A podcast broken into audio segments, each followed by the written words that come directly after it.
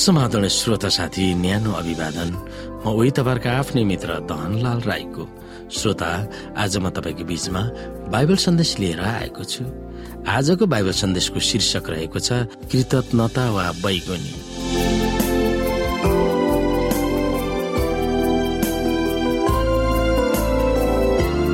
श्रोता पापको रहस्यमय उत्पत्तिको बारेमा इजिकेल अठाइस अध्यायको एघारदेखि उन्नाइसले हामीलाई के बताउँदछ? हामी यहाँ हेरौँ परमप्रभुको यो वचन म कहाँ आयो हे मानिसको छोरो टुरसका राजाको विषयमा विलाप गर र त्यसलाई भन परमप्रभु परमेश्वर यसो भन्नुहुन्छ।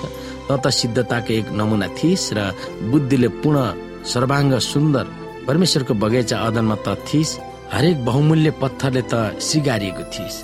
मानिक पुष्परा पन्ना पितमणी आनिक्स बिल्लोर निर फिरोजा र बेरुजले त आवश्यक थिइस्। तेरा मडी घरहरू सुनले मोहरिएका थिए। त सृजको दिनमा नै ती तयार पारिएका थिए। अभिभावक करूप हुनलाई त अवश्य गरिएको थिइस् किनकि त्यसरी नै मैले तँलाई नियुक्त गरेको थिएँ। परमेश्वरको पवित्र पर्वतमा त थिइस् अग्निमय पत्थरहरूका बीचमा त हिँड्थिस् त सृजिएको दिनदेखि तमा अधर्म वा पाप फेला नपरेको दिनसम्म तेरो चाल ढङ्गमा त दोषरहित थिइस्। तेरा चारैतिरका व्यापारहरूद्वारा त उपद्रवले भरिस्। र तैले पाप गरिस्।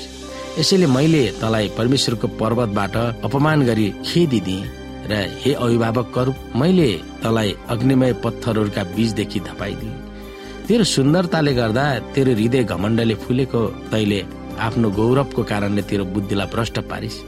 यसैले मैले तँलाई जमिनमा फालिदिएँ राजाहरूका अघि मैले तँलाई तमासा बनाइदिएँ।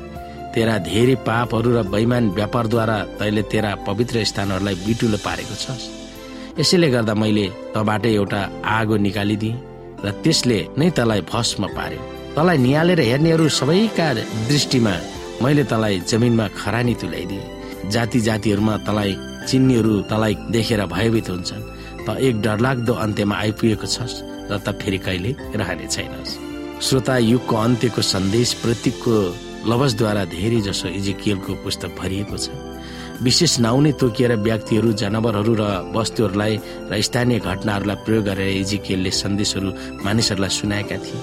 तर ती स्थानीय वस्तु र घटनाहरूको प्रयोग गरेर दिएको सन्देशहरूको बृहत्तर अर्थहरू थिए। उनले जगतमा भएका वा हुनेवाला इतिहासको वास्तविकतालाई लक्षित गरेर ती सन्देशहरू दिएका थिए। उदाहरणमा इजिकेल अठाइस अध्यायको एकदेखि दसमा टायर राजाको बारेमा उल्लेख गरिएको छ। टायर देश पुरानो ऐतिहासिक फिनिसायन बन्दरगाहमा बसालिएको थियो। यो समुद्रको छेउ भएकोले व्यापारले गर्दा यो देश सम्पन्न र उन्नति भएको थियो। यो देश अहिले लेबलानमा छ। पौराणिक कालमा टायर देशको राजा मानिस मात्र भए तापनि धनी र अहंकारी शासक थियो। र आफूलाई भगवान भनेर दावी गर्थ्यो त्यति मात्र नभएर उनी सबै देवताहरूको गद्दीमा आफू बसेका भनेर दावी गर्दथे। अनि यस ऐतिहासिक वास्तविक विवरणलाई इजिकेल अठाइस अध्यायको बाह्रदेखि उन्तिसमा दृष्टान्तमा वा उपमाको रूपमा प्रयोग गरिएको छ। टायरको राजालाई स्वर्गको दरबारमा रहेको लुसिफरसँग तुलना गरिएको छ। टायरका राजा एक पछि अर्को पतन भए त्यसरी नै लुसिफर स्वर्गबाट पतन भएको थियो भनेर हामीलाई बुझाउन खोजिएको छ। त्यसकारण समुद्रहरूको बीचमा रहेका इजिकेल अठाइसको आठमा मानवीय राजाको चित्रण लुसिफरतिर इङ्गित गरिएको छ। जसरी पौराणिक कालको टायर झकी झकाउ हुन्थे सबैको आदर पाउँथे त्यसरी नै लुसिफरको सम्मान ठुलो थियो भनेर इजिकियलले यसरी बताउँदछन्। परमेश्वरको बगैँचा अदनमा त हरेक बहुमूल्य पत्थरले त सिगारिएको थिइस् मानसिक पुष्पराज पन्ना पितमणी आनिक्स बिल्लोर निर फिरोजा बेरुजले त आवश्यक थिइस् तेरा मडी घरहरू सुनले मोहरिएका थिए त सिर्जेको दिनमा नै ती तयार गरिएका थिए।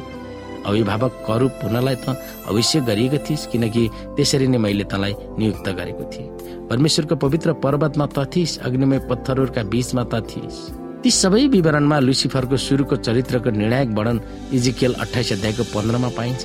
यसमा लेखिएको छ त सिर्जिएको दिनदेखि तमा अधर्म फेला नपरेको दिनसम्म तेरो चाल ढङ्गमा त दोषरहित वा सिद्ध थिइस्।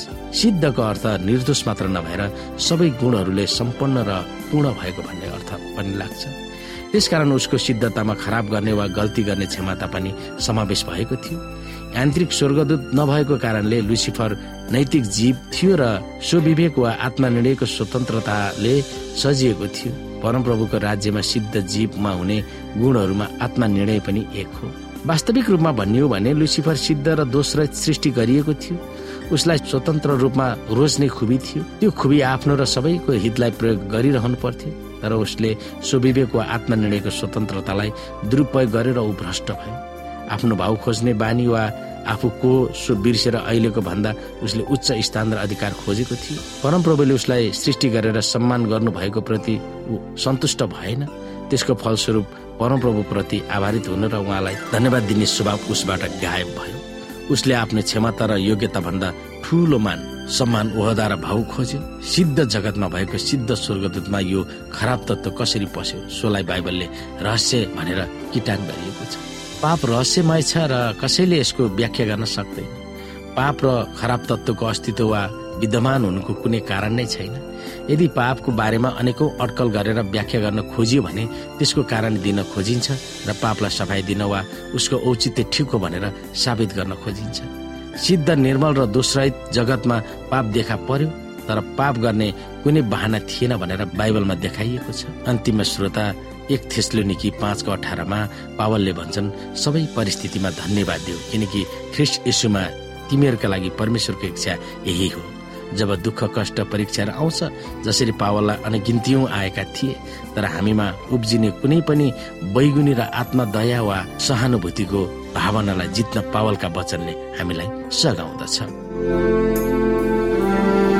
श्रोता साथी आजको लागि बाइबल सन्देश यति नै। हस्त नमस्ते जय मसिंह।